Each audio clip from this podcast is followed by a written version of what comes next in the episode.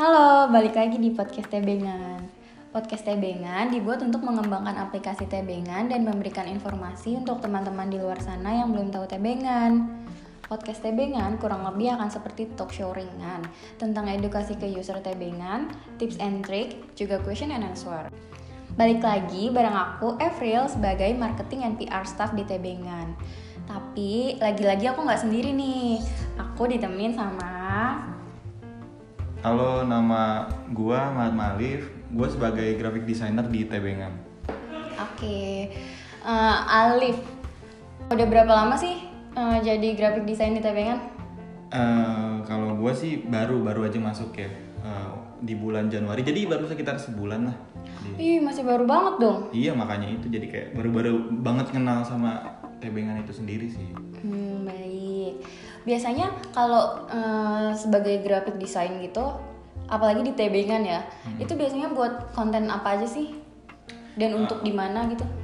Mostly eh, kalau misalnya porsinya ya lebih banyak, gua ngerjain di bagian sosial media.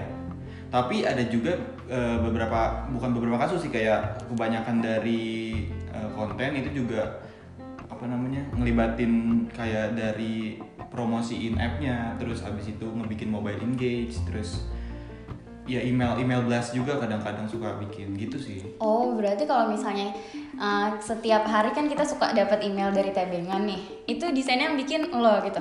Ya kurang lebih gitu sih. Oke, sama yang di aplikasi juga kan? Iya, eh, yang biasanya ada di muncul di atas itu tuh kalau misalnya buka aplikasi, nah itu biasanya kerjaannya graphic designer. Oke, berarti cukup banyak juga ya. Maksudnya kayak bikin kontennya lumayan banyak sih buat sosmed, aplikasi dan lain sebagainya. Iya benar. Kalau untuk eh, jenis-jenis desainnya atau variasinya gitu apa sih yang dibuat? Ya yang tadi gue sebutin sih, tapi eh, kadang juga ya paling paling sih kalau misalnya bisa sebut ada apa namanya post postingan Instagram, terus turunannya stories, habis itu yang tadi disebut, sempat disebutin kayak in app, mobile engage, kadang juga apa namanya ya, buat buat konten YouTube juga. Nah tapi kalau jenis desainnya biasanya sih eh, macam-macam ya kadang eh, ada requestan eh, dari brief kadang suka bikin bentuk dalam bentuk foto entah bentuknya ilustrasi kadang juga suka dapet kerjaan bentuknya motion motion design. Jadi macam-macam sih tapi sekitar situ variasinya. Jadi kayak ada eh, still image ada ilustrasi sama ada motion design. Wah, kayaknya yang dengerin nih pasti ngerti nih. Kalau yang dengerin ini graphic design juga. iya dong. Terus? Eh, kalau misalnya dapat konten nih dari eh, Mas Reza gitu ya, atau gue gitu, gimana sih maksudnya kayak ada kesulitan gak sih tentang ini kontennya gimana sih? Bikinnya mau dibuat apa sih? gitu? Kayak gue tuh belum belum bisa nih ngebaca konten lo gitu nggak sih? Hmm, kadang ada di mana waktu kalau misalnya gue nerima nerima brief dapat dari kayak kan eh, kalau di sini gue jelasin dulu brief biasanya kan bentuknya tulisan ya. Jadi benar-benar bentuk copywriting jadi gimana caranya kita sebagai desainer harus nge-translate itu jadi bentuk visual. Nah itu kadang apa ya ada ada miskonsepsi sih. Jadi eh, apa yang pengen disampaikan kadang kayak ih ini apa ya? Tapi kayak tapi kayak yaudah akhirnya dari situ ya paling eh, alternatifnya kalau misalnya gua nanya nanya maksudnya ngasih sedikit clue lah sedikit clue kayak gambaran eh, pengen kayak gimana sih gambaran si visualnya ini. Terus juga kadang-kadang kayak oh maksudnya ini terus eh, sedikit apa nyari nyari postingan di Instagram Tebengan yang mungkin ada relasinya sama konten yang akan dibuat. Jadi kayak oh ini kayaknya match nih. Ah coba deh di imply sini. Mungkin cocok gitu Dan ternyata cocok ya Iya, kebanyakan. kebanyakan gitu. Banyak- kebanyakan cocok dan ya udah dan itu kalau pas sudah pas sudah kita ngasih desainnya, oh ya udah udah oke gitu. Jadi kayak ya udahlah gitu. seneng ya tapi Iya. maksudnya kayak kalau udah langsung diokehin tuh rasanya apa sih kalau orang-orang desain gitu Apa ya? Ya kelegaan dalam hati. Jadi ya udah maksudnya eh, nggak perlu effort untuk nge, nge-recreate atau ngerevisi. Jadi kayak ya udah nih gue punya desain udah gue udah translate dari brief yang dikasih ya udah hasilnya kayak gini oh lo oke dengan ini ya udah gitu. Baik. jadi bisa cepet move on ke ini selanjutnya lagi tugas ke selanjutnya lagi. desain selanjutnya ya ya, benar gitu. Kalau pengerjaan satu konten nih biasanya berapa lama sih kalau anak-anak graphic design ngerjainnya? Tergantung sih biasanya apa? Coba kasih studi kasus deh. Contoh satu. Misal kayak mau buat video yang tentang CCM kemarin. Hmm, itu itu sulit sih. Karena apa ya? Karena itu prosesnya sebenarnya butuh kalau dari gue ya personally butuh tiga, tiga hari. Karena emang itu kan kayak proses pengerjaannya kan nggak maksudnya nggak nggak satu kali ngedesain selesai. Jadi kan ada eh, ada gimana kita nge-take video dulu. Jadi misalnya sehari kita ngabisin uh, a day buat syuting video. Terus uh, hari selanjutnya baru setelah setelah memilah jadi beberapa apa namanya aset yang kemungkinan banget bisa diaplikasikan jadi desain. Nah baru di situ dipilah. Terus hari selanjutnya ya itu mungkin proses ngolahnya sih. Jadi ngolah jadi apa namanya jadi video terus ngedit motong-motong terus gitu sih. Terus Belum belum lagi bikin desain buat cover gitu mungkin ya. Ya itu ya. Itu paling kayak perintilannya lah yang Oke, banyak. Tapi biasanya kalau kalau apa selama ini maksudnya eh, mostly kan itu kan pengerjaan kayak video motion itu kan nggak eh, nggak banyak ya bukan sebagai prioritas di sini. Jadi kalau misalnya dalam ngerjain still image yang bentuknya postingan yang entah entah satu eh, entah empat post itu ya mungkin sehari setengah hari lebih selesai. Oh, berarti eh, memang lebih cepet kayak gambar ya dibanding video ya. Iya karena emang iya gitu gambar kan terdiri dari beberapa frame jadi mungkin ngonsepinnya yang lebih susah kalau foto kan ya udah orang lihat foto itu ya nggak bakal gerak di situ doang gitu Hmm, berarti emang video itu prosesnya panjang. Jadi guys, jangan lupa buat lihat video with love for community di Instagram Tebengan. Tetap promosi.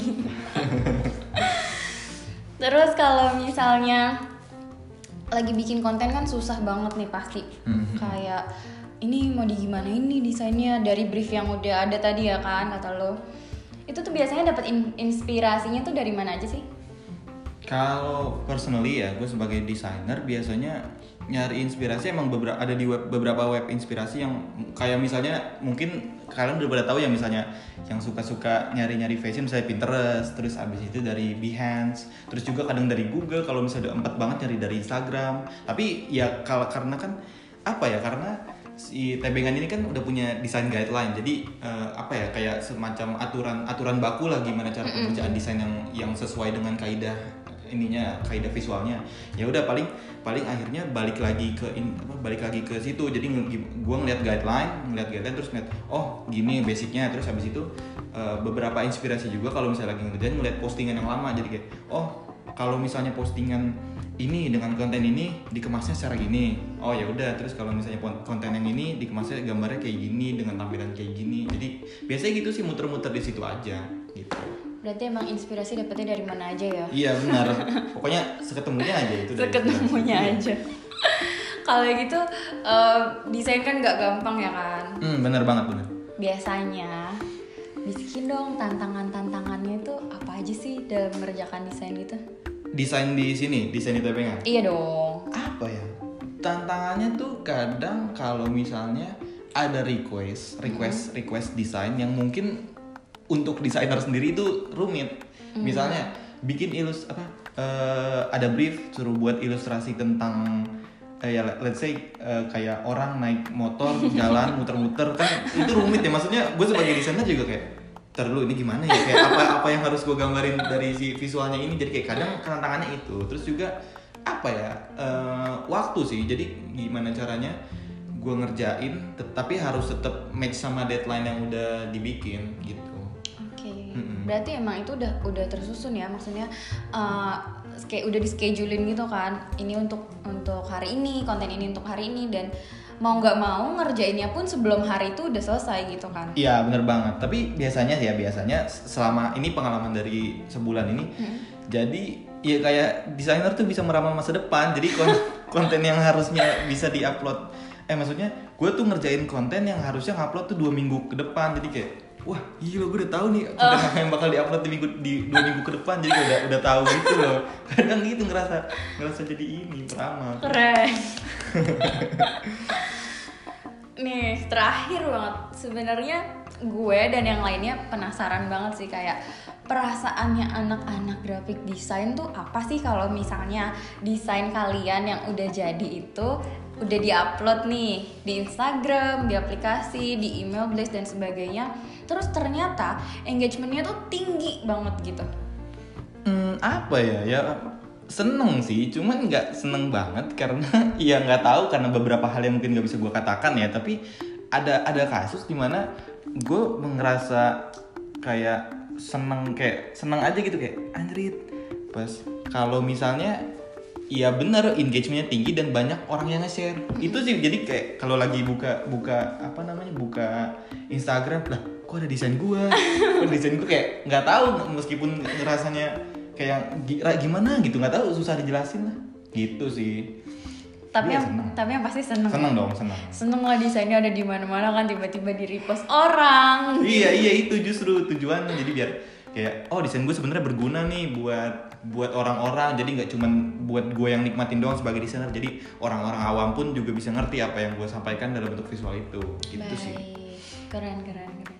Tapi nih ya teman-teman, ada satu hal yang perlu temen tebengan tahu. Di tebengan ini, graphic design kita tuh magician juga loh.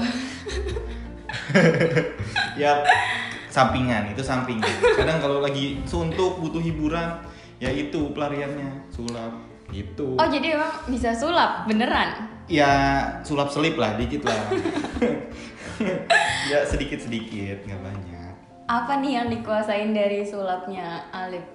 apa ya kalau sulap banyak sih cuman biasanya mostly gue apa, belajarnya sih card magic. Jadi ya kartu lah sekitar kartu dan everyday item. Jadi kayak ya udah ya- yang ada di depan gue gue bisa sulapin. Tapi kadang Ih kadang apa namanya hal itu tuh ini banget sih apa ya kayak ngebantu ngebantu banget gue sebagai ya sebagai pribadi gitu loh. Apalagi di kantor kan sebagai sebagai karyawan. Jadi kayak kalau misalnya ya lagi pada suntuk di di kantor lagi pada ah udah bener kayak kerjaan banyak terus habis itu pusing kan.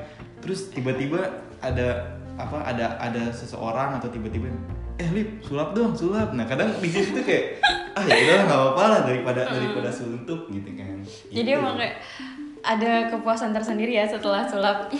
iya benar-benar itu rasanya sama kayak ngedesain sebenarnya. Jadi kayak ya sebenarnya sama paralel. Jadi kalau sulap orang orang lihat sulap kita kita seneng sama kayak desain kalau misalnya gue bikin desain terus ternyata desainnya disukai sama orang ya seneng gitu sih impactnya Tapi nih, kan udah, udah lumayan sering kan sulap di iya, benar. kantor nih. Biasanya temen-temen uh, Alif itu sering sulap di kantor kayak buat bener-bener menghibur kita aja sih gitu. Nggak yang harusin banget gitu kan Iya, dan enggak. diwajibkan banget gitu. stres kalau diwajibin ini ngerjain yang mana dulu nih mau bikin sulap atau mau bikin desain gitu kan Tapi nih, sulapnya pernah ketahuan nggak sih? ah ya ketahuan sih pasti pernah ya cuman ya gimana namanya kita juga masih belajar tapi ya itu justru serunya kadang kalau orang orang bisa nebak kalau misalnya ih lu sulap gini ya? Enggak nggak gitu. Coba mana lihat? Terus akhirnya ya udah akhirnya dari situ gue perform perform hal lain jadi kayak "Lah, tadi perasaan gue ngeliat di situ deh. Enggak lu salah salah lihat kali ngantuk ngantuk. Gitu. Gitu sih biasanya gitulah. Udah udah biasa banget. Berarti emang seru banget ya selain jadi graphic design juga jadi magician.